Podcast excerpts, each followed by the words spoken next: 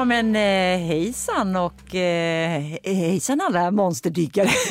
Det är ingen som vet vad det är. Det där är så här 70... Vet du vad det är? Jo, det är Ja. Trasan och Banane. Ja, Exakt. Då säger jag igen. Hejsan alla monsterdyggare och välkomna till avsnitt 20 av... Ja. Och jag tror visst att alla vet, för i morse så sa min son, han sa något, en till syrran, en till mig. Alltså, det där var han är bästa. 14, så jag tror att de har sett det på Youtube.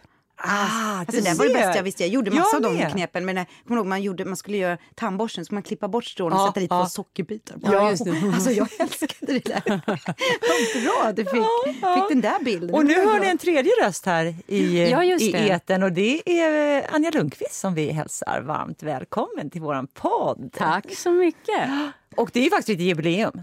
Ja, det är jubileum. Avsnitt 20, det är stort för oss. Det var något att fira. Det, Hur ska vi fira det då? Det firar vi genom att sitta här. Ja, vi firar. Vi har faktiskt pratat om dig i podden förut. Har ni? Har du hört det? Nej, jag, är, jag avslöjade ju nu här att jag tyvärr inte har lyssnat ännu. Nej, Anja men vet du har inte fått beröm här i vår podd. För vi hade en gäst nämligen som sa att eh, hon hade delat loge med dig. Ja. Och att du var, för det första var det såklart så trevligt, men du hade gjort så fint i logen. Ja. Och, eh, och du liksom tog hand om allt och städade och gjorde jättefint. Och sen när du drog så tog du med alla grejerna. Och alla bara, Anja Lundqvist måste komma tillbaka till Dramaten, till logen. Men ni vet, det- alltså, jag hade en sån här...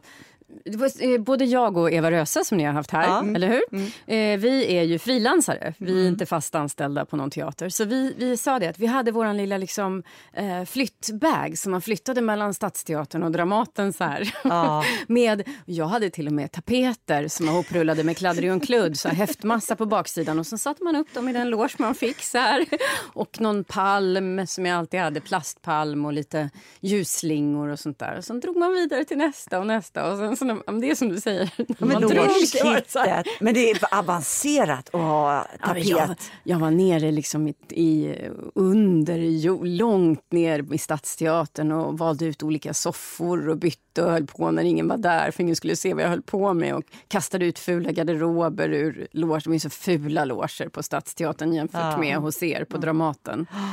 Ska man ju verkligen säga. Det är väl det man får jobba Faktiskt. på dem lite mer på Stadsteatern. Ja, men det var där, var där jag hade tapeterna, det hade jag inte på Men Dramaten. vad var det för tapeter? Skitfina, Sandbergs, nå, de heter, vad heter de? Inte Rafael, ja, jag kommer inte ihåg. Snygga Ja. är de i alla fall. Underbart, men då vet vi det att om du kommer till Dramaten så vill vi ha dig i vår loge. Ja, Då får vi swinga tapeter. Om ja. ni gillar det. Man vet ju Ja. inte, men kanske Men du vet, vi har smak. fått eh, ommålat nu. Vi är liksom tillbaka i originalfärger så det är väldigt fint. Eh, ännu finare i logen. De har blivit gröna.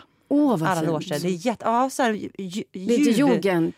Är det Ja, inte lite jugend? precis. Och hela huset är ju Jo, det. hela huset är det. Men de här är ganska milda. Alltså så här lugnande gröna. Vad så det är inte den här starka gröna Nej. jugendfärger utan Nej. lite dovare. Mm. Jättefint. Men nu får det räcka med inredning. Ja, ja. För fan, nu vill vi verkligen önska dig så välkommen. Och Tack. vi vill också göra en, även om du är väldigt känd och så för alla, så vi gör en snabb presentation av dig Mm. för våra lyssnare. Ska jag köra? Ja, kör. Karin Anja Elisabeth, född 7 juni 1971 i Uppsala. Du är skådespelare, utbildad på Teaterhögskolan i Stockholm. Du har två barn, pojkvän eh, och massor av vänner. Vä- vänner heter det. Du kör båt, du yogar och gymmar. Du läser böcker som en gudinna, läser in väldigt mycket ljudböcker. Du lagar inte mat, men du är väldigt vig. Har jag lärt mig. Du kan Bra kompensera. Ja, och sen så kommer det, det här är faktiskt väldigt roligt för Anja har gjort så mycket så att jag orkade inte ens skriva ner utan här kommer i urval filmografi. Tillsammans, som du slog igenom med, som är en fantastisk film. Soldater i månsken, kommer jag också ihåg väldigt tydligt. Tusenbröder, en legendarisk eh, tv-serie som ändå är, verkligen. det är inga dåliga grejer. Stora Teatern, eh, Varannan vecka, Tusenbröder igen, Offside, Oskyldigt dömd, Gåsmamman, Mammor, Modus, Alex, Dagarna som blommar, De dagar som blommorna blommar heter den. Ja. Heder och Jag kommer hem till jul och Lust. Mm, just det. Det är Som helt kommer. otroligt hur mycket du har gjort. Och sen när man Och det här är bara ett urval. det här är bara ett urval, det är faktiskt helt otroligt. Men sen om man går ner och tittar på, på teater på din Wikipedia. Mm, så är det inte lika mycket. Va? Nej, men det enda som är inskrivet, det är det du har gjort på Dramaten. Och jag vet ju att du har Aha. gjort mycket, mycket mer. Och där har de skrivit in Kärlekens triumf, Drottningens juvelsmycke och Massakergudinnan. Massakerguden. Ja, just det. Mm. Så att du har gjort så fruktansvärt mycket och eh, allt får helt enkelt inte plats. Men den som har din Wikipedia får uppdatera. Ja. med teater.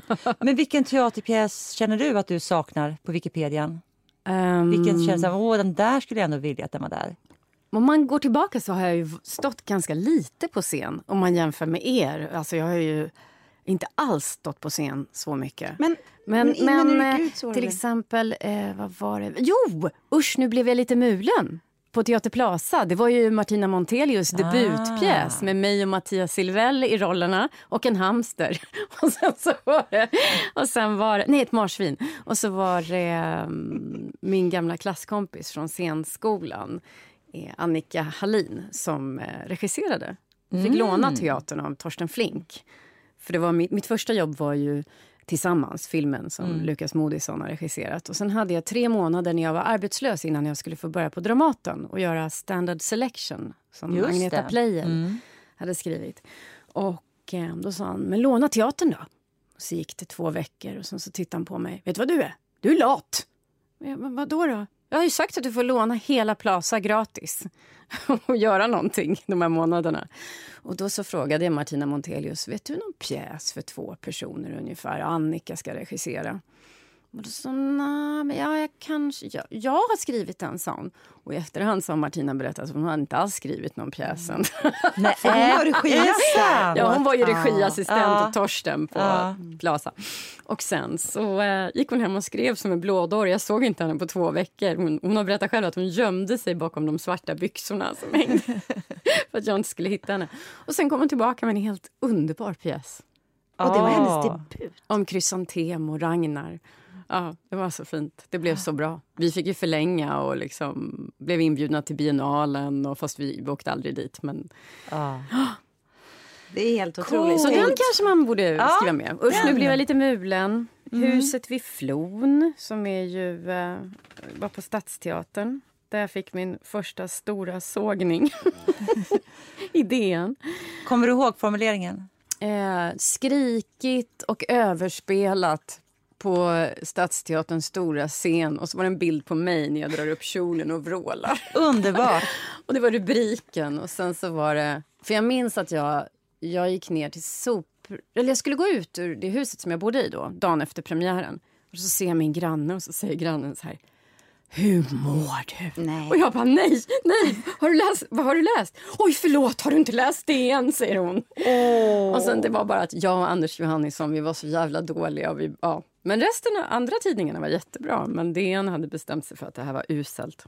Och jag var för söt för att vara alkoholist, stod det också. För min karaktär var alkoholist. Och grejen är att jag är ju nykter alkoholist. Och hade då varit nykter i tio år vid den tidpunkten när vi spelade här. Så jag, var så, jag hade lust att skriva till henne, kommer jag ihåg. Men det visade sig att hon var filmrecensent egentligen. Det var augusti, ni vet. De hade inte kallat Ja. in någon riktig... Alla var på sommarlov. Och jag, jag kan förstå, är man filmrecensent och älskar film och plötsligt går på teater... Uh, det måste vara mycket som är skrikigt och Ja, överspelat. då. Ja, ja, ja, ja verkligen. Om, man, om, man, om, om man har de förväntningarna. Ja, ja, men precis. Men också så här, vad ofräscht att skriva hon är för vacker för att vara alkoholist. ja. Alltså den... ja, för söt i varje fall. för söt var du. Ja, otroligt Väldigt konstigt. konstigt. Men, sen, jo, men sen jobbade du vidare. Alltså, Ehm, ja. Mm. för du har, gjort, du har ändå gjort mycket teater. Ehm, ja, och sen gjorde jag, med- vad gjorde jag mer på Stadsteatern?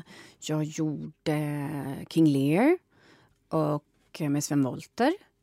Och sen så gjorde jag... Eh, den sista, senast jag stod på scen, vet ni när det är? Nej. Nej. Sex år sedan. Jag det? trodde Nej, faktiskt att det var längre sedan. Fem och ett halvt år sedan är det. Ja. Ja, men vad gjorde du då? Då, Då var det Maria Bloms pjäs, som jag inte minns vad den hette faktiskt. Men det var jag och Kajsa Ernst och... ehm, eh, ja, Ja, det var på Stadsteatern. Ja. Ja. Mm. Ja. Mm. Ja, men det, det är ett tag sen. Det är inte jättelänge sen. Jag tänkte också precis som ja. du att det var längre sen. Men det kanske är för att det var längre sen som du var på Dramaten. Ja, för jag har inte varit på Dramaten på 12 år eller något, Mm. tror jag.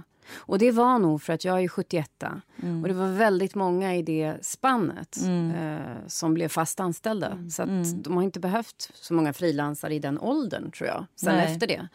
Så efter det så, så har jag inte jobbat här. Men vi kanske ska nämna också, vi tänkte att vi ska nämna också att vi tyvärr har förlorat en kollega, Mm. under den här tiden sen sist vi poddade. Vi vill göra lite tribute till Lill Teselius. Ja. Ja. Och Lilla har ju jag jobbat med Ja, har i du det? Standard Selection, då, mitt första Ja. teaterjobb efter scenskolan. Så ehm, ja, verkligen, det är fint om vi gör en tribute till henne. Ja. En fantastisk människa. Otroligt rolig kollega. Ja. Ja, och hon, eh, det var en annan kollega till oss som sa så fint... Jag kan inte, hon hade skrivit en så fin sak på vår senaste artistgruppsmöte men det gick i fall ut på att liksom Lill var den här liksom stödet och mentorn. Det var hennes första jobb efter att ha gjort en monolog på Dramaten. Och eh, Hon hade skrivit så fint och Lill. Och det var precis samma för mig faktiskt. Att... Eh, när jag började på Dramaten så ville jag hitta en pjäs som jag ville föreslå för teatern. Jag var så här, jag skulle vilja ha något så här, liksom, kraftfullt och lite arbetarklass, liksom, eh, känsla i det. Och så här. Hon bara, men du ska ju göra Se dem i vrede. Jag tar med den till dig. Och så tog hon med den och jag blev fullständigt knockad av den pjäsen. Och vi fick ju sätta upp den sen. Men hon var en sån där människa som eh, var så generös. Och var liksom nyfiken och Var älskade nyfiken. att prata med nya, nya människor. Vem är du? Och, Ja, Och det har ju vi pratat om hur vi skulle vilja bli eller vara. Också Ja. som när man åldras i det här yrket, då vill man ju vara som Lill. Hon är en inspiration på det sättet. Att alltid, ja du är ny, alltså, hon var ju så nyfiken på... Ja, hon var aldrig Ja. i det här att trycka ner eller Nej. inte alls mot Nej. yngre kollegor utan tvärtom. Nyfiken och det här enorma skrattet. ja, ja. Den här enorma munnen. enorma munnen. Ja. Hon var också alltid så nyfiken på vad man hade köpt för saker. Hon hade, om man hade något fint på sig. Var har du köpt den där? Var har du köpt den där? Och jag kommer ihåg en gång, då hade jag köpt en jättefin klänning från Tory Burch. Heter det, va? Burch ja. Och, och, och då fick jag springa upp i hennes loge och hjälpa henne. Så beställde vi en klänning till henne så här, online i samma märke. Hon var, alltså, det var, hon klädde sig alltid snyggt. Ja, hon men, var åh, jättesnygg, hon var så fransk. På något Ja, ja. men vi sänder otroligt mycket tankar och tacksamhet till att vi har fått jobba med henne. Mm, en legend. En jag. legend. Ja, Lill Terselius.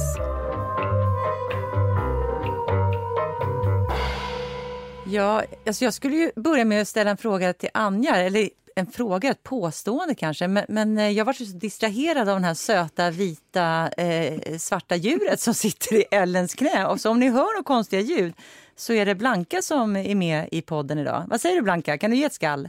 Alltså hon skäller inte min hund, hon är så Nej, uppfostrad. Men hon tittar på mikrofonen Ja, hon slickar vill- lite på Hon den. är ja. väldigt söt. Hon är väldigt söt. Ja, men vet du vad? Vet du vad vi vill prata om, Anja? Nej, Att du är ju värsta entreprenören och inspirationskällan för oss. Ja. är det sant? Ja, för att vi kan ju börja med... Eh, er, du har ju haft en podd.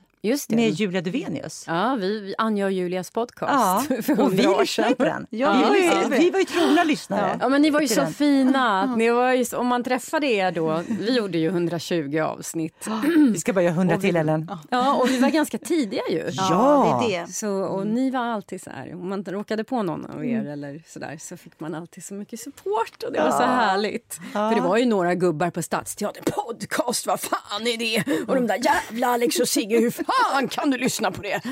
Så var det liksom. Ja, men Ja, ni, det ni var- var tidiga. Det är, Ja. det. det är en helt annan grej idag. Alltså, Ja, idag är det det, var väldigt hel- modigt av er. Alltså, Och vi blev ju verkligen, eh, vi tyckte det var roligt att lyssna men vi blev också så här, wow vad häftigt inspirerade. Ja, men för att ni gjorde en e egen grej. Men hur kom det sig att ni började? Var fick ni idén ifrån då? För ni Så- var ju så tidiga. Ja, men så här var det. Jag och Julia kände inte varandra så väl.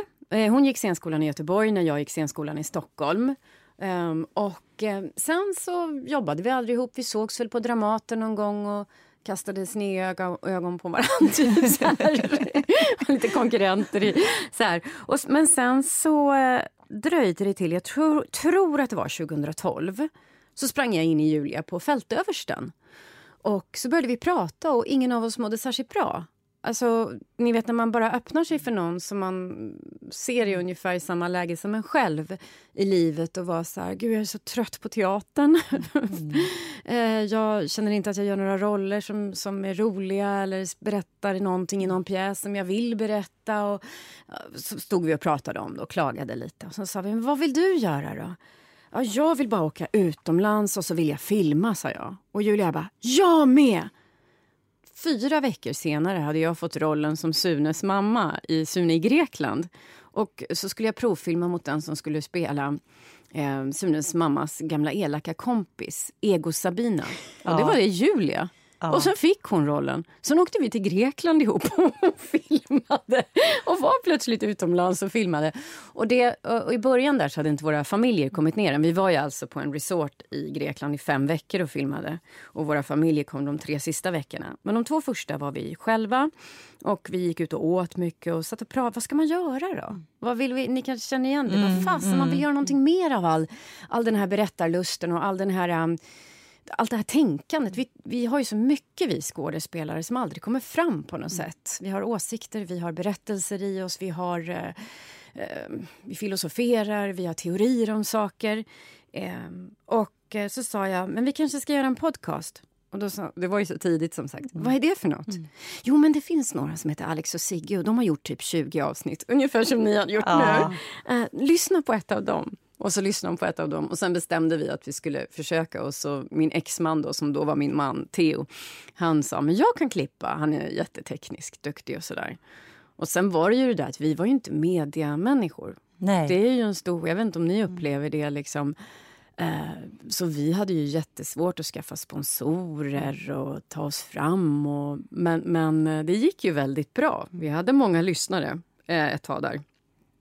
Och ehm, Ja, så det, nej, men det var så det, så det, hände. Så det hände. Och sen så pratade vi i podden om vad vi ville göra. Mm. Och allt det har ju blivit, blivit av. Vi, har ju, ja. vi är exekutiva producenter för Heder, en tv-serie på Via, Viaplay som är inne på sin tredje säsong nu. Vi spelar in säsong tre. Och sen har vi då skapat, eh, vi har inte skrivit, men vi har varit med i grundidén och skapandet av en serie på, en komediserie på HBO eh, Max som kommer i nästa år, som heter Lust. Mm. Mm. Men, Men, innan dess måste vi bara backa, för ni gjorde väl Mammor? Var ja, just det. Första det var projekt? det första vi ja. gjorde. Ja, sketcher ja. med varierande kvalitet. Ja, men jag såg det. Jag såg det. Ja, alltså, vi hade så kul. Och det var med Ulrika Ellemark, skådespelerska, mm. och Anita Schulman som nu heter Anita Clemens.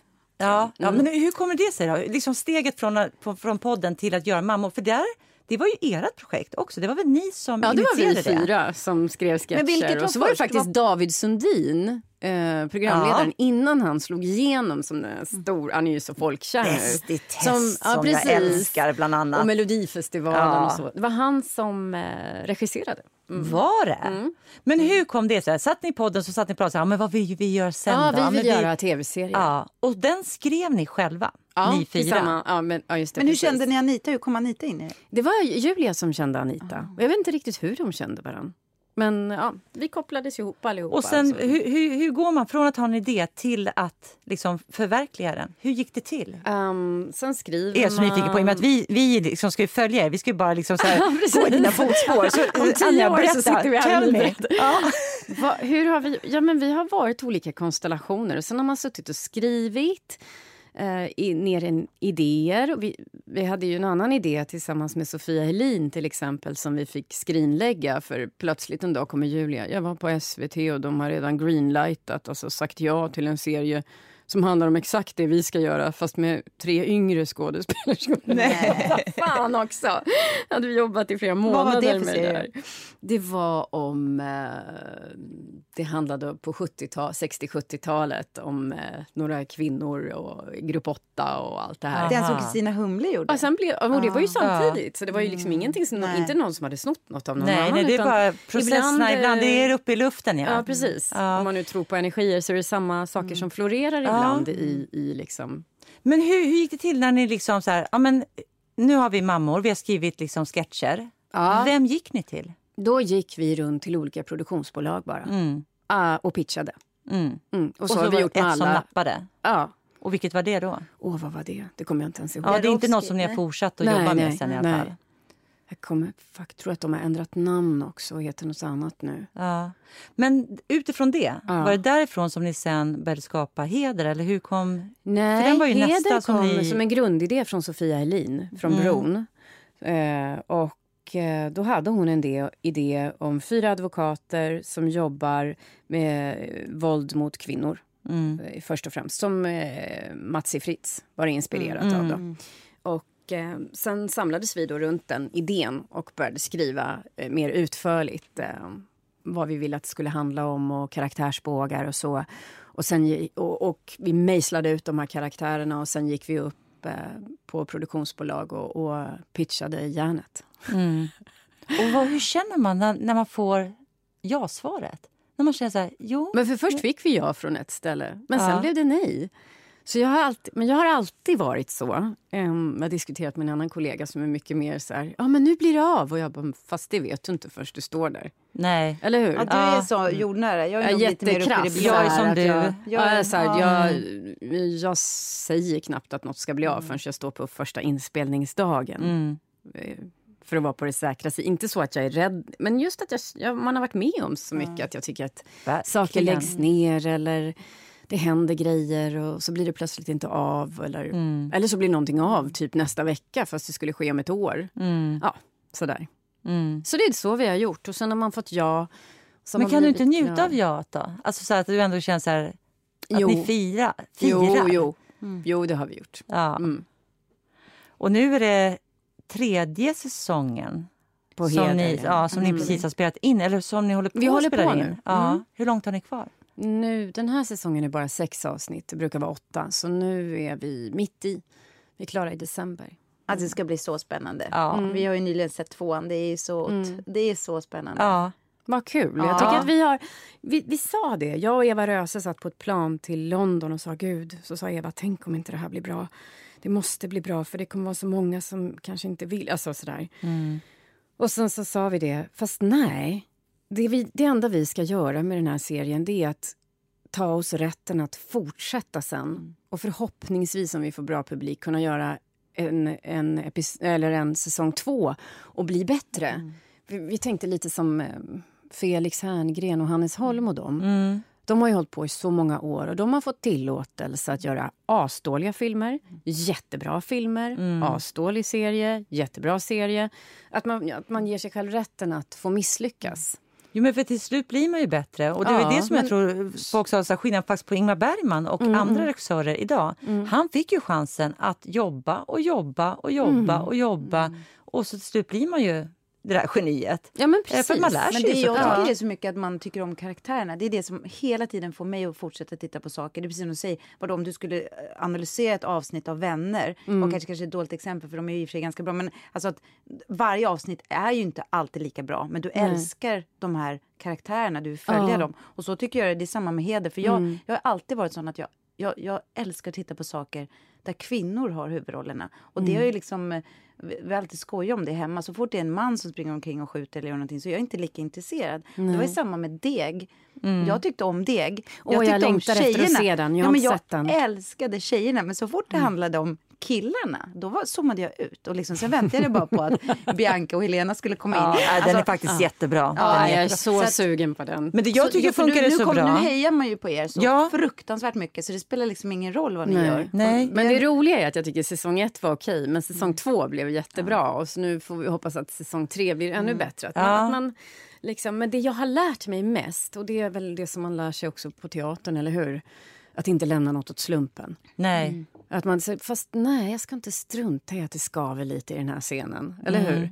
För det kommer jag få jobba med i 50 föreställningar sen, att jag sket i Ja. och reda ut varför det skaver i den här Ja. scenen. Eh, och samma tycker jag med det här, va, att inte släppa igenom Ja, men jag gillar inte den här scenografin, men okej då, vi tar den. Och sen så bara, nej, det blev ju Men helt ni är, fel. ni är med och bestämmer så pass att du kan säga Ja, här där är vi ju draperiet faktiskt. är fel. Ja, det kan vi. vi. Men det är inte alltid vi får igenom det. Nej. Men vi är ju med i klippning, vi är med i ljudläggning, vi är med i musi- musikerna. Ehm, vi är med i hela manusprocessen och har notes. Jag har jobbat, jag har jobbat häcken av oss med heder. Ska jag, säga. jag har aldrig jobbat så mycket med någonting i hela mitt liv. Mycket, mycket tid. Mycket blod, svett och tårar. Och, och både glädje och vänskap och ovänskap och allt. Liksom. Men vi har fortsatt och det har ju blivit bra. Det finns ju... Eh, oavsett vad kritiker tycker fram och tillbaka så älskar ju publiken det. Ja, Vi har en li- riktig fanbase med kvinnor som älskar det. Och det finaste har varit att få brev och meddelanden från kvinnor som har vågat anmäla sin våldtäktsman eller den, sin förövare. Eh, och, ehm, eller som bara berättar, eller som man får från en tonårskille. Ja, mamma har sett den nu tre gånger. Ja. Det jag tänkte på er, det här är så roligt. Alltså roligt. Men jag tänkte, idag kom ju domen mot Nytorgsmannen. En Ja, fruktansvärd serievåldtäktsman. Och eh, han har våldtagit eh, 35 kvinnor. Det kom en dom idag. Och under det här nyhetsinslaget som var precis innan jag åkte hit så säger de målsägarbiträdet, målsägare, de, innan säger man alltid bara advokater. Då tänkte jag på heder att ni har ju ändå lanserat den yrkesgruppen så himla Ja, de är ju Ja, målsägarbiträden. och det, och det var också så här att bara för man har sett heder så var det så mycket att man, då var det en kvinna nämligen som var målsägarbiträde och då Mm. fick man så, då tänkte man eh, jättemycket på heder tycker jag. Och det tror jag inte jag är ensam om. Nej. Och det var en fruktansvärd dom som gjorde att man faktiskt fick lust att faktiskt eh, ladda pistolen. Precis som ni gör ibland. Ja. För att eh, fem år. Ja, för, för så många- Ja, filmade ja. våldtäkter till och med. Sen Ja. visst, Jag såg nu att Cissi Wallin hade lagt ut bilder på honom för hon tycker att det är så sjukt att media inte... Jo, de gjorde det. De gjorde det nu media? Ja, Ja, okej, det var för det var här namn var och tidigare idag. För att, eh, det jag tyckte var så läskigt, vilket också är bra mot ens fördomar, för han ser ut som värsta hipstern. Ja, det är ju Nytorget också där det har hänt, hjärtat av liksom hipsterland på något sätt. Ehm, eh, och jag tänker att eh, han är verkligen den där som vem som helst, som man, ja, men, ser rätt bra ut. Och, men det är ju, jag har nu inte sett eh, Maria Svelands och Cissi Wallins eh, Jag har gjort det. De, de rättslösa. Mm. Ja, men vi har ju, och det finns också med i nästa säsong av Heder, att det här med lagen. Mm. Att lagarna måste ju ses över, Ja. straffen måste ses över. Man kan inte få mer, f- mycket dubbelt så långa straff för att ha gjort ett ekobrott som att man har skändat och, och liksom våldtagit och kanske misshandlat eh, en kvinna eller ett Mm. barn. Det kan liksom inte vara... Nej. Straffsatserna måste ändras och det kan inte vara så att man kan säga att nej men jag har vikingasjukan eller jag somnade och låg med henne. Alltså det är så absurt. Mm, men jag såg de rättslösa och jag tycker jag vill bara slå ett slag för den också. För den hänger liksom ihop i paketet. Så vi har ju pratat om även den här eh, jättefina dokumentärserien som heter Hashtag metoo. Och det som, jag tycker de där kompletterar varandra och de rättslösa fick ju så här, det var ju så här kalabalik innan. Alltså att SVT var väldigt nervösa, eller så skrev tidningarna det i alla fall. Att det fanns massor, den var liksom man, man förväntade sig någon form av så här, lite hysterisk, eh, någon hämnd aria film Och så är den liksom, den går ju verkligen bara in på konsekvenserna för kvinnor som varit med om övergrepp. Den är väldigt ömsint, varsam, eh, men också ibland liksom, ja, men bara så stenhårt tydlig med precis de där grejerna du säger. Hur absurt det är ibland. Alltså, vi Eh. kan ju säga, för de som inte vet det, så är det ju 5% av alla anmälda eh, våldtäkter va? som leder till fällande dom. Är det så? Ja, men det är någon, Det är jag, jag känner igen den siffran. Och sen så ska man ju då veta att mörkertalet är väldigt högt. Av de som inte anmäla, har som inte- som inte ens Så anmält. liksom, Ja, men jag tycker att ni för upp allt det där helt fantastiskt i en paketering som är populärkultur som gör att man kan ta till sig det. Man lär sig ändå mycket. Ja. Så jäklar vad ni har lyckats. Jag ser Ja. jättemycket fram emot säsong tre. Ja, Ja, verkligen. stort tack. Men då, jag vill bara, liksom, innan vi släpper Anja, eh, superentreprenören, vi måste bara föra lite om lust. Får du Ja. prata om den? Ja, Lust är ju vårt andra projekt då. ehm, som faktiskt... eh, Är ni samma gäng ungefär? Nej, där är det, ja, där är det Sofia Helin som också var med och ska, som var grundidén till. Mm. eh, Men det, här är det Sofia Helin, eh, jag, Julia Duvenius och Åsa Kalmer, regissör bland annat på... Mm. Hon är inte med och spelar, men hon var med och skapade liksom, grundidéerna, bågarna, karaktärerna. Vi satt på Sofias golv i hennes hem i Gamla stan och bara wow, vi hade så jävla roligt. Och vi bestämde att det här ska handla om sex, det ska handla om kvinnor över 45 och deras män och eh, familjer och det ska vara komedi. Eh, och sen så... Eh, ja, blev det bara så här pang, pang, pang, pang, pang. Vi fick ja hela vägen, men sen dröjde det hundra år innan det blev, verkligen blev av. Och på grund av corona, på grund av massa saker så Just sköts det det. upp och, och så vidare. Men den är färdiginspelad? Är den färdigklippt också? Den är... I, klippningarna låses nu. Jag har sett Ja. alla, alla avsnitt och det blir riktigt roligt. Ja, vad kul! Det blir det faktiskt. Det är, Ja. nog, det är nog helt annat. En fantastisk författare som heter Frans Wiklund som har suttit med oss fyra kvinnor och lyssnat på våra sexanekdoter. Han våra... är skadad för livet. Ja, men eller hur? Och han, han, har tagit emot det. Vi har bråkat. Han har, han har varit så arg på oss. Vi har varit arg på honom. Nej, nu ser du det från en manlig vinkel. Och han bara, nej, men det kan vara så här också. Och vi har liksom vi har tillsammans smält ihop det här, men jag måste lyfta honom som en av Sveriges stora dramaförfattare. Faktiskt. Wow. Att Men får han stöd nu? Får han stöd ordentligt nu efter Nu, nu får han liksom sån här, vad heter det, debriefing. Ja, debriefingsamtal. ja. ja, vad häftigt. Och den kommer någon gång nästa år, jag vet inte när, på Nej. HBO Max.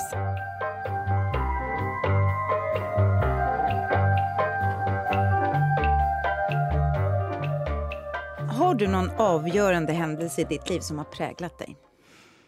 Ehm, ja, massa avgörande händelser. Men den som formade mig och tror jag liksom, om man ska se ett sår, så tror jag det var att min pappa försvann i mitt liv när jag var eh, runt tio, alltså så här till vardags. Mm. Det tror jag präglade mig. Ni vet när någons frånvaro präglar en lika mycket som någons närvaro. Mm. Så, sen träffade jag honom var tredje helg och så under några år. Och sen nu är vi, jätte, nu är vi supernära just nu. Men har du syskon? Jag har en stora syster som är tre år äldre än mig. Men när du säger att han försvann ur Ja, ditt men liv. som ni vet, Ja. 1980 var det. Ja. Jag var nio. Han, eh, mina föräldrar skildes. Det var absolut inte min pappas fel på något sätt bara. Eh, men så fick han jobb eh, i eh, Gävle och tog det och flyttade dit till en ny familj. Och träffade en ny kvinna och en ny familj där och flyttade in i den familjen. Och Gävle på den tiden, det var ändå det är ett bra avstånd liksom. Och, och det var ju vanligt att pappa gjorde så då. Det var inget konstigt då. Men för mig var det, för han var så himla närvarande när han var närvarande. Mm. När han var där så var han liksom världens bästa pappa och så var han bara borta och var någon annans pappa. Så jag tror att det präglade mig väldigt mycket när det gäller det här med att vilja gestalta och berätta. Och också att båda mina föräldrar kommer från Västerbotten och är, är ja, berättarlandskapet nummer ett tycker jag. Med P.O. Enquist och alla, alla dessa Sara Lidman är därifrån Ja, och också. Men blev du Lindgren också och- lämnad med en mamma som var ensam och övergiven? Nej, Nej. mamma var ju, var ju, mamma var ju också del i den här skilsmässan. Så att absolut inte. Eh, inte så. Men på vilket sätt märk, märkte du att det har präglat dig? Eller när förstod du att det präglade dig? När jag var typ eh, 20 tror jag att jag förstod det. Det tog lång tid att förstå att det hade präglat mig. Men att det hade präglat mig att vilja jobba med känslor, tror jag. Vilja tycka att det var underbart att ha de här schemalagda eh, känslorna på scenen. och bara få leva ut allt som jag, som jag kände inuti. Men alltså, det är så lustigt för att i samma, precis samma ålder försvann Mm. min pappa. Men han försvann ju eh, totalt. Ja. Mina föräldrar separerade när, de, eh, när jag var fyra. Ja. Men då hade vi först så här kontakt. Och min pappa hade också en, han lämnade oss för en ny kvinna.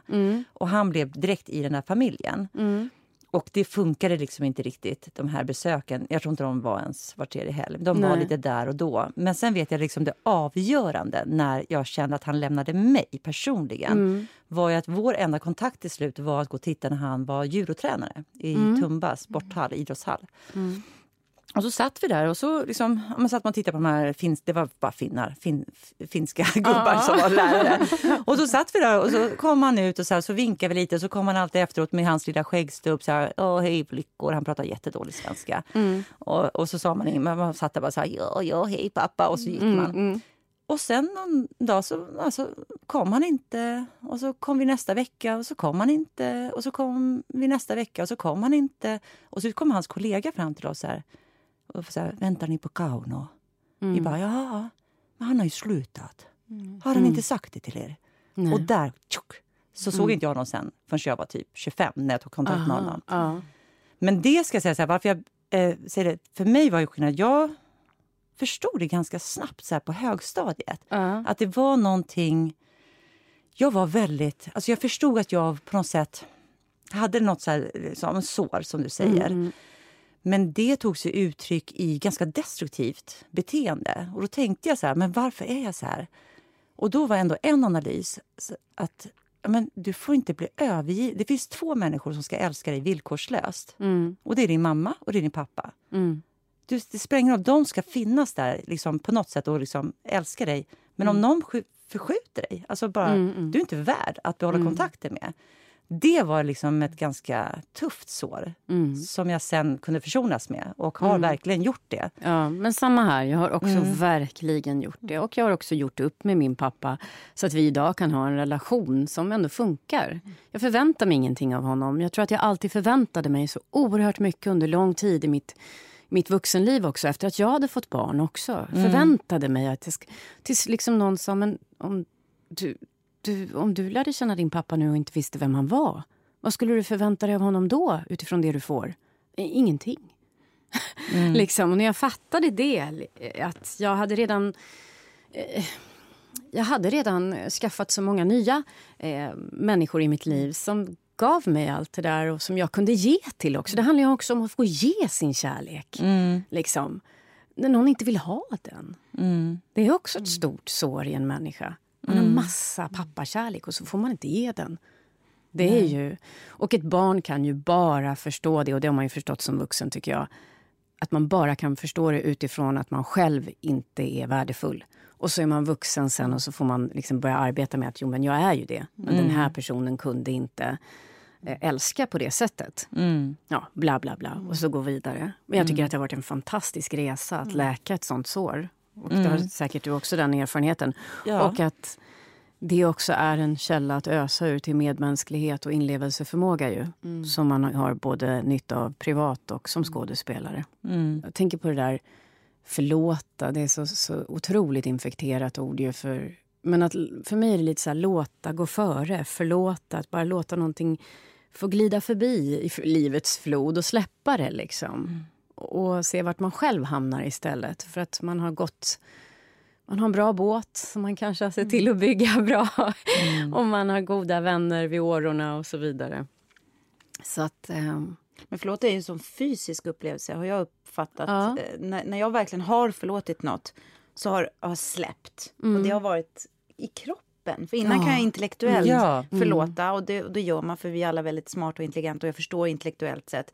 Men det där kroppsliga, det var först då, det var en stor förlåtelse som jag var tvungen att gå igenom och då förstod jag helt plötsligt varför alla världsreligioner egentligen handlar om förlåtelse. Inte alla, men alltså... För, för, för, Det är en stor del, ja. i- det är en så stor del och jag tycker det är så intressant att höra på er för jag hade ju en närvarande pappa. Eh, och det kan också sätta sår. Eh, Men jag har nog aldrig haft den här, eftersom man fanns där och det blir normaliserat med all skit och allting och, och icke-kommunikation. Och, så jag fick ett sår men jag har inte rätt ut det på samma fina sätt som ni verkar ha gjort. Eh, därför att ehm, det, det blir inte lite tydligt. men det var är svårare- normaliserat för det var där varje dag. Som du Ja, säger. alltså det är något helt annat. Jag tycker det är jätteintressant att höra på er. Men det är också intressant att höra att jag tror också att mycket av konstnärlighet eller eh, förmåga eller vilja att behöva uttrycka sig. Det låter också så klyschigt, men att det faktiskt handlar om sår som man fick när man var liten. Och så försöker man bearbeta dem och sen så tycker man om känslorna precis som du säger. Men tror du att det har påverkat liksom, eh, hur du har valt pappa till dina barn? Absolut. Jag ville aldrig ha barn. Och sen träffade jag min exman. Då. Vi, var, vi är jättegoda vänner nu fortfarande och vi var gifta till för fyra år sedan ungefär. Så vi var ihop i 17 år. Och eh, när jag mötte honom så blev jag jättekär. Och så tänkte jag han ska bli pappa till mina barn. Jag vill ha barn, kände jag plötsligt. Och sen så... För jag tänkte också, han kommer aldrig lämna sina barn. Tänkte Nej. jag. Den här människan, för jag visste att hans pappa och mamma hade skilt sig när han var jätteliten men han hade jättefin kontakt med båda. Och pappan hade aldrig svikit sina tre barn. Fyra barn hade han till och med. Liksom alltid funnits för dem trots att han hade en fru som inte ville att han skulle träffa. Alltså, så att det var liksom... Nej, jag bara kände det. Han kommer aldrig, aldrig lämna sina barn. Du då? Jag hade precis samma Mm. när jag träffade min man. Jag träffade honom redan på gymnasiet. Ja, och då det. kände jag direkt Paul. så här, ja, Paul, Ja. det här är pappan till dina barn. Fan att jag träffade honom redan nu! Det var ju lite tufft Ja. eh, att liksom ha, tänk, eh, ha det. Men eh, det var precis samma. Jag kände direkt så här, han kommer bli en fantastisk pappa och han kommer alltid finnas i deras liv. Mm. Eh, det är intressant. Du då, Ellen? Hur jag valde pappa? Mm. Jag brukar skoja och säga att jag tyckte han var så snygg. Men det tyckte jag om Theo också. Ja, alltså, jag jag- tyckte han såg ut Nej, som men jag, eh, Kurt Cobain. Nej men alltså Ja. på riktigt, det, det, det låter så, alltså, det är jätteklokt och smart. Så där vill ju jag att mina barn ska välja pappor och mammor. Men nej, jag, nej, det var bara min jävla reptilhjärna som vanligt. Jag går ju alltid på den. Jag är inte lika bearbetad som ni uppenbart. Jag tyckte han var skitsnygg och, eh, och härlig och rolig. Och eh, jag var precis i den åldern när man vill ha barn. Ja. Eh, Och sen har ju han utvecklats. Men, eh, Robban, jag har ändå sagt hans namn så många gånger. han kom ifrån... Det är för sent En, för nej, det är för sent. Det är för sent. Nej, men han kom ifrån en tuffare bakgrund och jag hade nog ingen koll på... Eh, så han har jobbat sig in i papparollen. Han är en fantastisk pappa. Och det jag Mm. Är allra mest glad för, för vi har ju verkligen gått igenom våra... Herregud, det är så mycket vatten Men under broarna som hur i Tyskland. ni varit ihop? Nej, men ni är lika jättelänge. länge som du och Paul väl? Ja, typ. men, Mm, men det som jag är så kanske. glad för, som, alla har ju olika så här, önskemål för sina eh, barns pappa och så här, men Mm. det är att han är så himla fysisk med, med mina barn. Han, är med sin, han pussar och kramas Mm. och är nära och liksom så här, eh, på ett sätt som är fullständigt naturligt och eh, jag upplever att, jag, jag tänker att min dotter, eh, hon har en bra förebild i sin pappa. Ja. Och, det, det, och det, det är jag så otroligt, men det visste jag inte innan. Jag hade ingen aning. Jag tänkte inte så. Jag var bara egoist. Jag ville bara barn. Det var ungefär den, på den nivån jag var. Men det är, ju det, det, det är ju det man är som mest tacksam för. Jag tänker också, mina barn har fått en jättebra förebild i sin pappa och det kommer förhoppningsvis, det är väl så statistiskt, att man då har en större chans att välja då en bra man. Alltså för att har man haft det är ju lätt hänt att man söker sig till det som man har haft. Och om det har varit något så destruktivt och jobbigt så kanske man ändå man speglar sig, man känner igen det där beteendet och tänker det där, det där vill jag ha fast man vet att man kanske har sagt att jag ska aldrig välja en sån. Men så hoppas man ju att... Men också att man Andra. vet att man är värd. Man är värd någonting bra. Och att, Ja, för det har, ju, det har kanske ingen av oss vetat faktiskt. Nej. Jag har aldrig tänkt det. Nej. Men jag sa ju till Robban så här. "Ja, Jag vill ha barn. Han bara, "Åh, jävligt snabbt. jag bara, fast alltså så på riktigt. Jag, jag kommer ta hand om det. Du behöver inte, ditt liv kommer inte behöva förändras. Han bara, okej då. Alltså förstår ni? Alltså, Ja, men så gjorde jag också Alltså- i princip. Theo var ju då, eller är nästan fem år yngre än mig. Och, och han var ju 26 tror jag och jag var ju 31 när jag plötsligt ville ha barn och bara det kommer att ta skitlång tid, jag är över 30, de flesta är infertila då. Ni vet jag var så full av katastroftankar, Ja. det här kommer aldrig gå. Så det är lika bra att vi börjar nu, sen kommer det ta två år ungefär. Så du har två år på dig att vänja dig. Sen blev vi med barn efter en det vecka. är det. Alltså, Och jag var precis, det här du vet, det, det är inga problem, det, jag fixar det här. Och så var det ju inte. Nej. här, nej. hur mycket har man fått checka upp i sitt liv? Alltså, alla dumma ja. grejer man har sagt alltså. Ja, herregud. Men ni, vi har alla fått bra papper till våra ungar. Ja. Vad som än händer i livet så, så tror jag faktiskt att våra unga kanske kommer välja bra män. Det får vi hoppas. Vi har bäddat gott Hoppas, för dem. hoppas, hoppas, för vi vill ju ha barnbarn. Ja, precis. Nu? Då. Inga problem livet, jag kommer ta hand om dem. precis. Det, det, det kommer inte påverka dig alls. Jag är där.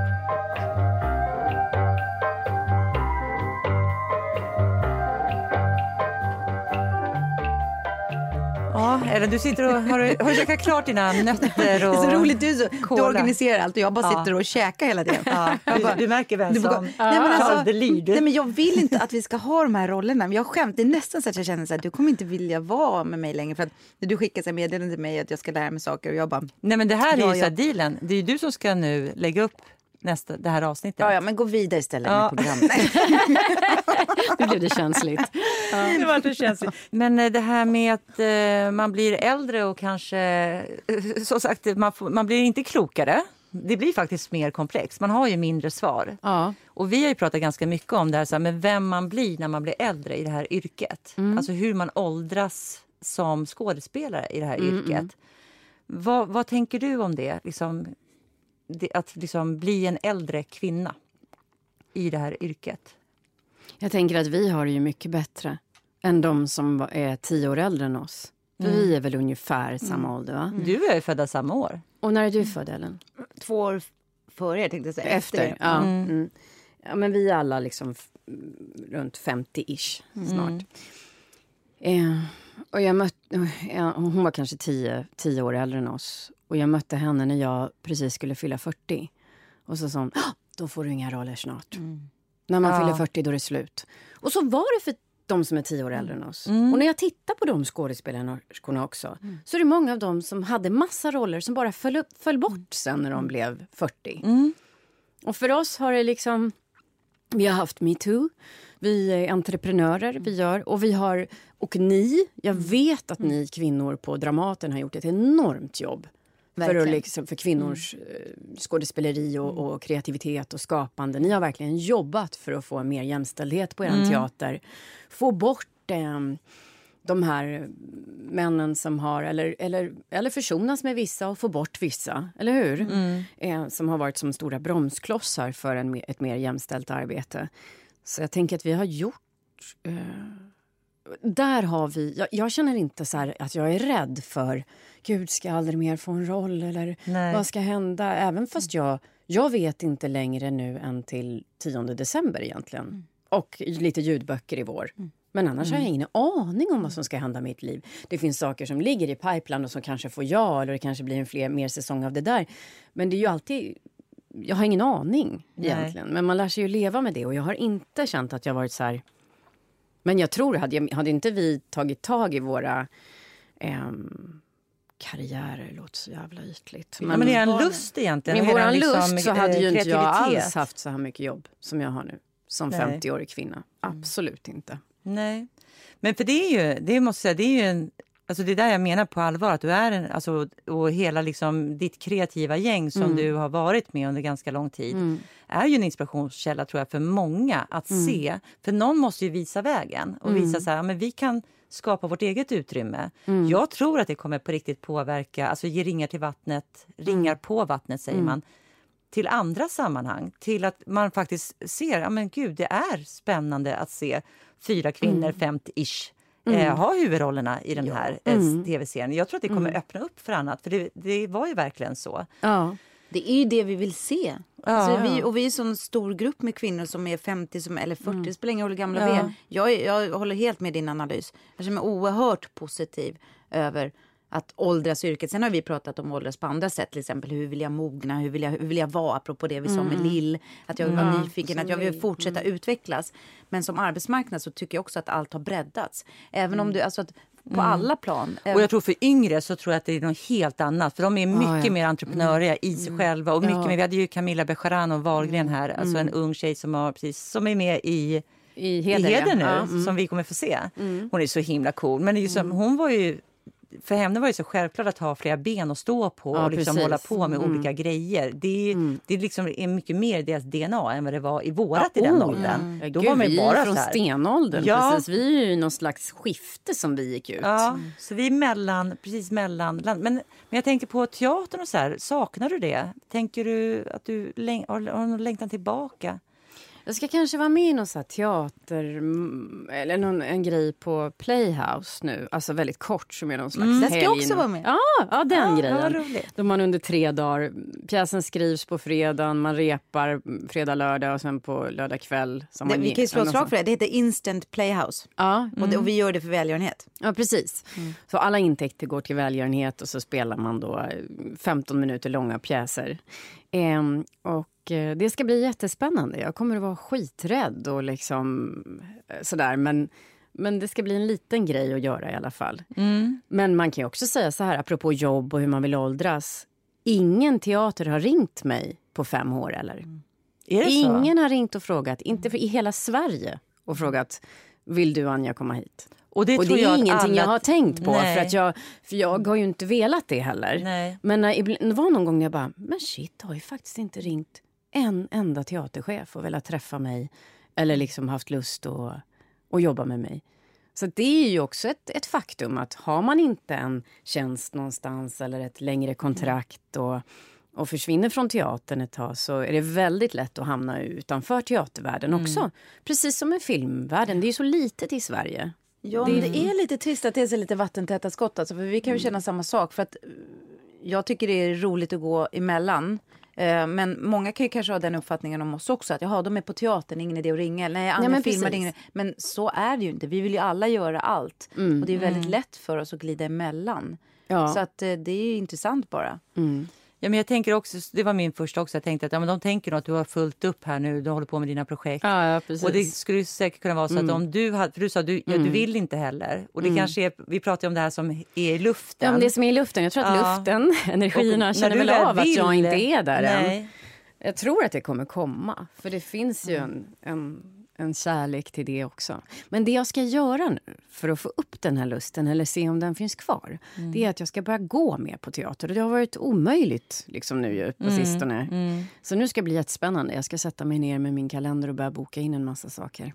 Ja, men det är roligt. Och vad är ditt värsta ögonblick på scenen?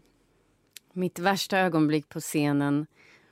Alltså, det finns ju lättsamma värsta ögonblick. Och Det är alla gånger jag har pruttat på scenen. När man hade fött barn, liksom. Tvåbarnsmorsa och liksom gjorde den här kärlekens triumf. På, vad heter, det? Den var tre timmar lång och jag hoppade runt och var någon 1700-talskille. Liksom, och stod, gick i spagat och sprang över scenen och ålade mig över scenen. Och så skulle jag hoppa fram och skrika någonting till Lars Amble och bara... Och jag vet inte, och det var ju liksom lilla scenen, det hörs ju. Ja. Och jag bara hopp, men jag tror att mitt skrik dränkte fisen. Och samma gång någon gång, det var med Alexander Salzberger, det var en fröjdefull jul på Stadsteatern när jag också ramlar på scenen och pruttar högt. Så jävla... Och jag tror att det var bara Salzberger som hörde det, liksom, för det var ju stora scenen. Men, Men ändå. bröt han ihop? Ja, vi Ja. bröt ihop. Och sen så var ehm, men det värsta var nog när vi gjorde... Björn Runge regisserade en fyra timmar lång Norén-pjäs nere på Kilen på Stadsteatern som hette Nattvarden. Det var jag, Kajsa Ernst, Jakob Nordensson och Samuel Fröler i fyra timmars ångest. Regisserat av en filmregissör som krävde total närvaro från dag ett av repetitionerna till, till sista föreställningen. Och vi hade jobbat så hårt. Vi hade jobbat så fruktansvärt hårt fram till premiär. Premiären gick lysande. Dagen efter premiären, det är fyra timmars text. Jag spelar packad i två timmar av dem. Och så kommer jag till en scen och det är bara tomt i huvudet. Text. Och så säger jag några ord och så bara text. Och så säger jag några ord och så text. Jag fick be om text Oj, fem nej, gånger och det var oj, mot jäklar. slutet när det var så här jätte... Och jag, tror, jag var skräckslagen för det var svart i huvudet på mig. Ja. Jag var så utbränd. Jag var så trött. Det var som att jag hade slappnat av då. Och sen varje kväll på det stället så fick jag blackout. Ja. Resten av, och då hade jag, jag skrev de första meningarna i varje del av monologen på handlederna. Så att, jag sket jag, det såg ut som jag var tatuerad tänkte jag och det gjorde det nog också. Så då kunde jag titta ner på mina handleder. så alltid i pausen mellan första och andra akten så att jag skrev med den svarta bläckpennan. För jag kunde inte komma ihåg det. Så den, det ögonblicket när jag insåg att det kommer inte tillbaka, det kommer inte tillbaka. Jag fortsatte, fick några lines och jag kunde liksom inte... Men det är en mardröm. Ja, Det är en mardröm Ja. just också för att man... Okej, man får misslyckas, men när man märker att det hänger samman med hela ens mående och hela ens liksom... Ja, nej, det var inget kul. Så det var det värsta allvarliga på scenen. Sen har man ju slagit sig och sprungit ut blödande i en paus eller bara gått ut i en paus och bara oj, jag blöder över hela knät. Man har inte känt något. Sådana saker. Vad är ditt bästa ögonblick då? Har du något sånt där moment? Den är svårare. Den är mycket svårare. Nu kände du riktigt Jo. jävla begåvad. Tyvärr kan jag inte säga att jag känt så någon gång. Nej, men jag kan säga bästa moments kan väl vara alla gånger man har spruckit tillsammans med sina kollegor. Jag älskar Att börja skratta det. på scenen betyder Ja, alltså när man spricker ut i skratt när man inte får skratta. Och jag hade så med Leonard Tärfelt i också samma som jag fes så mycket i, i Kärlekens triumf där vi ska komma ut på slutet. Och vissa skådespelare, jag vet inte om ni har några såna kollegor. Jag har även Sven Ahlström på Stadsteatern. Jag kan inte titta på honom utan att börja skratta. Det går liksom inte. Det är så svårt. Det är som att man har något fuffens emellan sig. Och har man väl etablerat det Ja. så går det inte bort vilken pjäs man än spelar. Och han och jag hade det här ögonblicket i slutet på pjäsen då jag ska börja gråta. Och jag började alltid skratta och jag kunde alltid gömma min, mig. Men Leonard kunde inte gömma sig, för jag, jag skulle hålla om honom och gråta. Men istället stod jag asgarvade och Leonard var tvungen att försöka stå Nej, vad där. taskigt. Det var så taskigt, det var så synd om honom. Så det var väl det här, så här lättsamt eh, Ja. bästa. Eh, alla skratt man har haft helt enkelt. Och sen Ja, men sen minns jag faktiskt en gång, det var någon pjäs, vi gick fram en och en och tog applåder och en kväll så var det så här så att när jag gick fram så bara höjdes applåderna så här. Vroom, liksom. Då spelade jag i och för sig huvudrollen men, men Ja. och att det var så, jag var så chock för jag var inte beredd på det. Och att jag liksom bara wow! Och jag hade verkligen jobbat så hårt med den där rollen och gett allt liksom. Och så gav publiken mig det den kvällen. Och det var så fint. Det var ett fint minne, kommer jag ihåg. Ja, Mm. Underbart.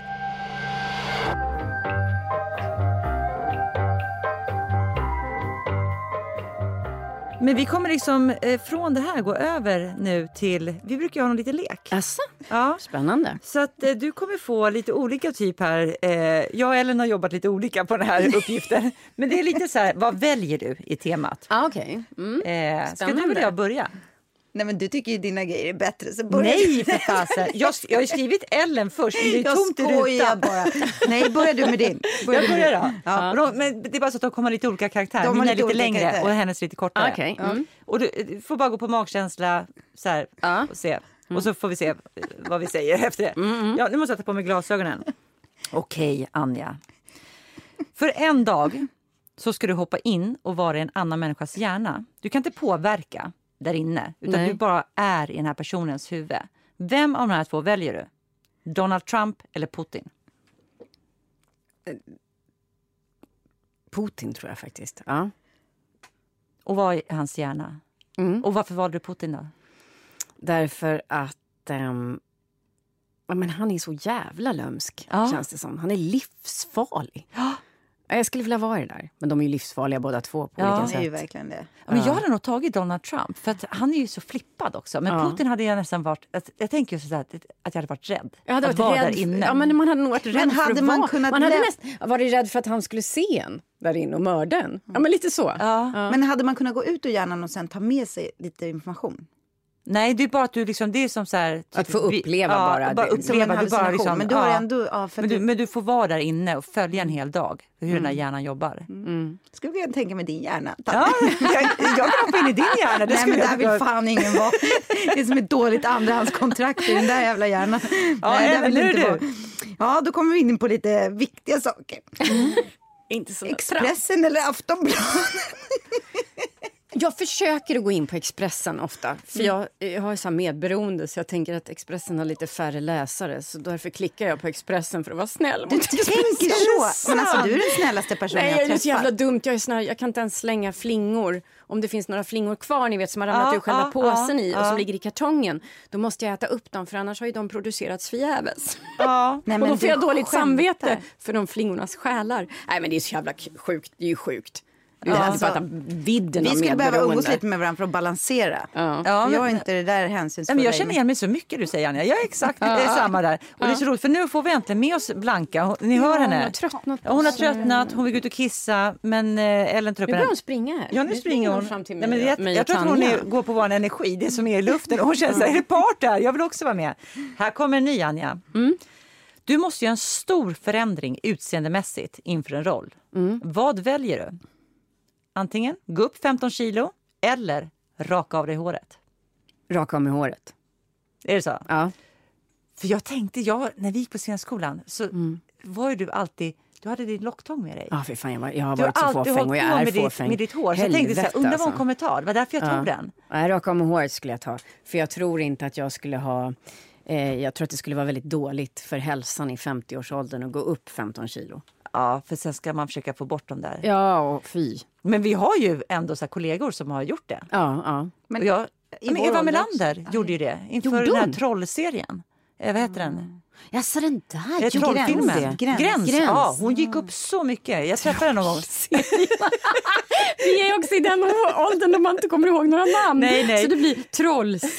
Det var Hon fick liksom en guldbagge, eller och tror massa awards utomlands. Hon var fantastisk i den. Men jag kommer ihåg när jag träffade henne så sa hon så här.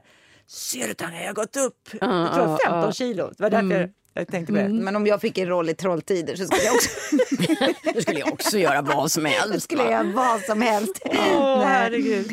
Ja, om du fick välja eh, i resten av ditt liv bara duscha eller bada badkar? Duscha. Duscha. Oh, jag, jag, får, jag är sån här som liksom...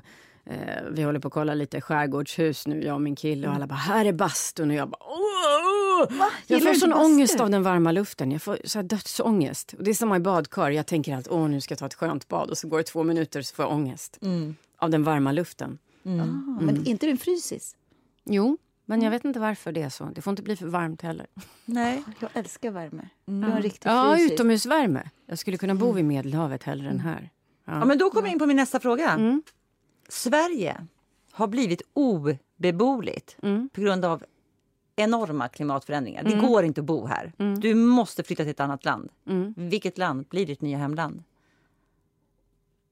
Alla andra länder är precis som de är, men Sverige är pajat. Jag tror Frankrike. Frankrike? Ja, eller Italien. Det var svårt. Ja, Ja. men något av de två. Något av de två. Har du varit mycket där? Jag har varit skitmycket i Grekland. Italien har bara varit två gånger och Frankrike kanske två, tre gånger också. Men, nej, men jag tror det. Men gillar du att resa? Ja, det gör jag. Jag gör alldeles för lite. Det, är borde så. du unna dig. Ja, det borde jag göra faktiskt. Så hårt mig. som du jobbar borde du faktiskt. Ja. Har du någon dröm? Alltså om du och din kille skulle åka någonstans, någon drömdestination? Ehm, just nu så har jag bara Barcelona. Jag har aldrig varit där. Jag tycker det verkar så vackert. Och jag, liksom, ja, jag skulle vilja åka till Barcelona just nu. Min familj är alltid där och spelar fotboll. Nu det är höstlov just nu. Nu har de varit där och spelat fotboll. Tog, I Barcelona? ja. Och sen så åker de, tog de tåg upp till Paris. Vadå, har du barn som är proffs? Nej, nej, nej. Det är bara, så här, det är bara kul att vara där. Och, De åker på någon camp. de åker på ett camp. Och så tycker vi Robban att det är kul att vara där. också. Men jag, båda barnen har gjort det. och jag har aldrig följt med på grund av teatern. Men jag vet. För att man inte får ledigt. Eller man inte kan. Det är så irriterande. Ja, Blanka, jag är här. Ja, Ellen, det är du. ja, om du fick välja att kunna telepatera dig eller göra teleporting. Vad är teleporting? Förlåt, jag får ta bort det. Vi får ta bort det. teleporting för något? Eller göra teleporting. Jag har så dåligt fokus. Men, alltså alla... Nej, men det så ska här, te- det- telepati. Ja, ta den en gång till. Ja, Okej. Gud, jag vet inte vad det är med mig. Vad heter teleporting? Telepati eller teleporting? Teleporting är när man... För... Teleportering heter det. Teleportering. Teleportering. När man, ens kropp förflyttas Ja, någonstans. ja om du fick... det. Teleportera mig någonstans? Ja, nu börjar jag. Ja. Om du fick välja mellan att behärska telepati eller att du kunde teleportera dig, vad skulle du välja då? Telepati, tänka, alltså just det, så här, eh, läsa av andras tankar eller om du kunde förflytta dig i tiden och bara säga så här, nu vill jag vara i tele- Barcelona. Teleporta mig. Ja. Mm. Telepati skulle jag vill inte veta gud, vad jag alla vill andra inte tänker. heller göra det. Orkar Gud inte. vad läskigt. När jag var yngre hade jag nog velat det, men inte nu. Nej. Ja. Nej. Jag är själv, mina tankar kan vara så hårda mot folk så det är fruktansvärt. Ja, Det nej, vore men gud. en mardröm om någon kunde läsa Du ska inte ta upp. Blanka? Jo, Hon är kom. ju så olycklig. Men när du försöker... Nu Ja. kom hon Blanka, du måste vara närmare micken för vi hör dig så dåligt. Så att du måste vara... Om du är så söt. Här kommer min sista. Alla högtider ska raderas ur kollektiva firandet. Men du har makten att välja en högtid som får vara kvar. Vilken väljer du? Julen. Är det så? Mm, mm. Jag gillar julen. Är det så, här så julpyntar långt Ja. innan? Inte långt innan, absolut Nej. inte. Jag, jag klarar bara av julen från Lucia till nyår och sen måste allt bort på en gång för sen, annars får jag ångest. Men eh, jag gillar den under de där tre veckorna. Så tycker jag det är jättefint. Och då har jag beställt min kungsgran redan och sådär. Har du gjort det? Den kommer till dörren. Den elfte tror jag har beställt den till. Mm. Vad ska du fira hemma? Ja. Eller nej, jag firar, vi firar alltid hos min mamma men man måste ju ha en julgran hemma hos mig i alla fall. Du, Apropå, du är från Uppsala. Just det. Känner du Magdalena Andersson? Hon är från Uppsala. Hon blev idag eh, utsedd till en ny partiledare. När är, hon, när är hon född? 70... Ja, hon Två är kanske. också... Skämtar att Nej, hon 70. är yngre än oss? Nej, 70. 70 kanske då. Förlåt, nu, nu hör man verkligen hur fåfäng jag är. Ja. Men, alltså, är hon yngre Nej, men än alltså, vad nej, vi men, nej, men hon kan ha Mig, Tanja. Nej, men 70 då kanske hon är född. Hon är i alla fall nära oss i ålder. Ja, Ja, nej men gud, då borde jag ju veta. Nej, fast man visste ju inte vilka alla Nej, var. Uppsala är en Uppsala stor ändå stad, fjärde största stan. stad. ja Googlar det är- du? Ja, nu måste jag se. Är hon inte 69, 68 åtminstone? Och Jo, det var Hon ju är född 67. Jaha, 67. 60. Ja, är men lite då äldre än Och det är mycket äldre när man är Nej. i den åldern. Ja. Då visste man ju inte vilka som var Nej. fyra år Ja. äldre än en själv var. Men du ska fira i Uppsala. Yes. En riktig fan Alexander-jul. Ja. Han tror jag är med i Uppsala också. Ja. Åh, vad mysigt. härligt. Har du någon sista smaskig Alltså, fråga? jag har så jävla bra grejer idag. Alltså, jag känner att mitt fokus är på topp. Alltså. Jag är som ett eh, rakjärn, tänkte jag säga, men knivjärn. Vad heter det? Rakblad. Rakblad heter det. Jag har ju liksom eh, ett, eh, jättemånga att välja på här nu. Men den här frågan är ju viktig för mig. Vad väljer du? Vilket är bästa landet mellan Norge och Danmark? Jag skulle nog ta Danmark. Yes! Och det väljer jag enbart Yes! på film. Och sånt där. Fast norrmännen kommer ju hårt alltså, med film och, hårt. och så. Men jag vet inte, nej jag tar Danmark. Ja, Jag skulle vilja vara som dem. Jag tycker det är sexigt med danska. Jag tycker de är riviga kvinnorna. Jag tycker de verkar tuffare än vad vi är. Ja, Ja, men du jobbar ju nu med någon hemlig dansk Ja, stor. fy det ska bli kul att jag se vem det hon är. Var, hon är Ja. så bra så att det inte är klokt. Finns ju, jag, jag, ska fråga dig efter när står vi, alltså. när vi har sp- spelat in klart. så ska jag, jag har en gissning. Jag tar den sen Ja, ja, efter. ja, för jag, jag, jag, ja, jag har en spaning. Jag har en, Ja, spaning, jag har en ja, känsla. ja. Det värsta är att jag kommer inte ihåg vad hon heter. Men, jag kan nog Men du kan eh, säga någon film som hon har varit med ja, i sen. Ja. Mm. Men alltså Anja, det var så roligt att du var här. Och Det är så roligt att höra om liksom hela din resa och allt. Du är verkligen en stor inspirationskälla för oss. Fan Och- vad och härligt rolig. att höra. Ja, och vi, vi Och jag är så glad att vara här och jag är så glad att vi följs åt i det här livet. För det glömmer man bort. Men Ja. vi är ändå kollegor på livstid. Så är det. Även om vi inte jobbar med varandra så är det vi rör oss i den här världen ihop och det är ganska rörande tycker jag. Det är det när man har verkligen. Vi kommit till den här åldern. Vi, gud, vi går ju också way back. Alltså, ja, ja, oh, det ja. Vi sökte ju scenskolan samtidigt. Jag var, flera jag var gånger. i fjärde provet. Du första gången sista. jag sökte Var scenskolan. det första gången du ja, sökte? Då Ja. var jag i Då kom jag in. Och sen la jag av några år. Sen kom jag tillbaka. Var det så? Mm. Jaha. Jag slutade med teater. Men, du, sk- du Just skämtar ja, inte? det gjorde du ja. Ja. Nej, men det är bara för att jag tänkte att det går väl inte ändå. Så blev jag tillsammans med en kille som... Ja, jag skulle ju bli... Jag kom in på juristlinjen. Det Nej men du skojar! Ja, nej, men så att Det jag, så det är mina sliding doors är liksom väldigt sliding. Alltså, förstår ni? Så att jag, jag vet inte om jag gjorde rätt eller fel. Men det spelar ingen roll, herregud. Men, men då, ja, men jag skulle bli jurist. Och Mm. så gjorde den killen slut med mig. Det var verkligen sliding door. Och då, då tänkte jag, jag söker scenskolan en sista gång så kommer jag in. Mm. Annars hade jag varit, jag antagligen väldigt framgångsrik eh, advokat idag. Ja, du hade varit ett sånt där Och inte haft några målsägarbiträde. Jag tror det. Alltså med här, den här svärtan och den här äh, hjärnan så hade jag Mm. nog passat jävligt bra som advokat. Nu sitter jag i det här jävla skådespelarträsket och vet inte vad jag ska göra av alla mina... Men jag har jävligt snygga pattar i alla fall. Cut! Cut! Katt, katt, katt. Alltså vi måste avsluta nu det är underbart. Men, och men det kan gå, ja. ja. det kan gå hur som helst. Det kan gå hur som helst nu. Ja, tack Anja för att du kom och tack, Tack, alla tack som för att jag fick lyssnar. komma. Vi ses snart. Ja. Och tack till Ljudbang ska vi säga. Och tack till Matte. Bye som gör vår fantastiska musik. Och Theresia som klipper som en stjärna varje gång. Och tack återigen till er som lyssnar. Ha det gött! Vi ses om två veckor. Hej. Hej då!